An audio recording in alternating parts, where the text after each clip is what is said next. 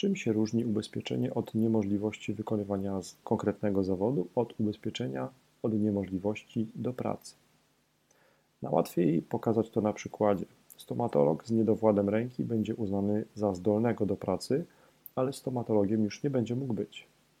Zakres ubezpieczenia od niemożliwości wykonywania konkretnego zawodu jest szerszy i dużo lepiej dostosowany do potrzeb branży medycznej.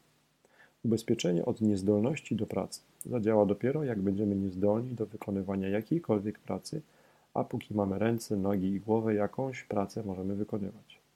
A nie znam nikogo z branży medycznej, który uznałby to za wystarczające zabezpieczenie.